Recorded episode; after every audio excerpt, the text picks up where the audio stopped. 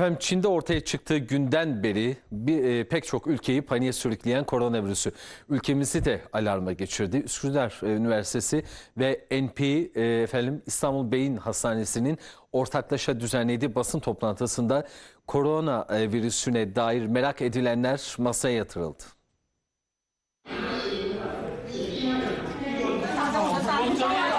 Bugüne dek 400'den fazla kişinin ölümüne yol açan, 20 binden fazla kişiyi etkileyen koronavirüsü tüm dünyada olduğu gibi ülkemizde de paniğe neden oldu.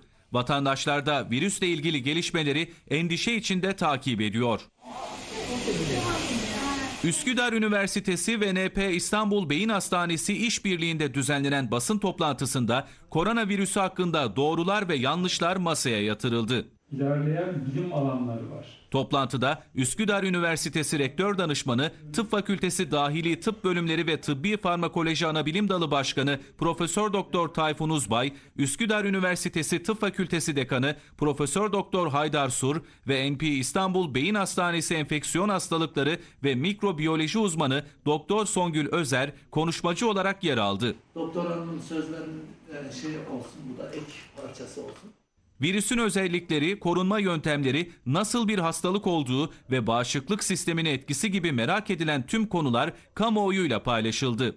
Profesör Doktor Tayfun Uzbay, Üsküdar Üniversitesi Tıp Fakültesi Dahili Tıp Bölümleri ve Tıbbi Farmakoloji Anabilim Dalı Başkanı, basın toplantısının ardından Akit TV'ye konuşan Profesör Doktor Tayfun Uzbay, virüsün belirtileri hakkında bilgi verdi. Bu solunum yoluyla e, geçiyor insandan insana. 2 ila 14 gün bir e, kuluçka süresi var, bekleme süresi var. Vakaların büyük çoğunluğunda yüksek ateş e, ve daha sonra solunum problemleri ortaya çıkıyor. Ölüme neden olduğu vakalarda da zatürreye ve onun arkasından ciddi akciğer yet- yetersizliğine neden olarak ölüme neden olabiliyor. Uzbay, virüsten korunmak için alınabilecek tedbirlerden de bahsetti. Ancak tedbir olarak el yıkamaya çok özen göstermemiz gerekir. Öyle e, çok antibakteriyeller falan içeren kimyevi sabunlarla değil, normal sabunlarla el yıkamaya dikkat etmemiz lazım. Dışarıda e, toplu taşıma araçlarını kullandığımızda veya insanlarla toplu olarak bulunduğumuz yerlerden eve döndüğümüzde gene el yıkamaya dikkat etmemiz lazım. Etrafımızda öksüren, hapşıran olursa işte uzak durmak lazım. Bunun ötesinde fazla bir şey yapmaya gerek yok.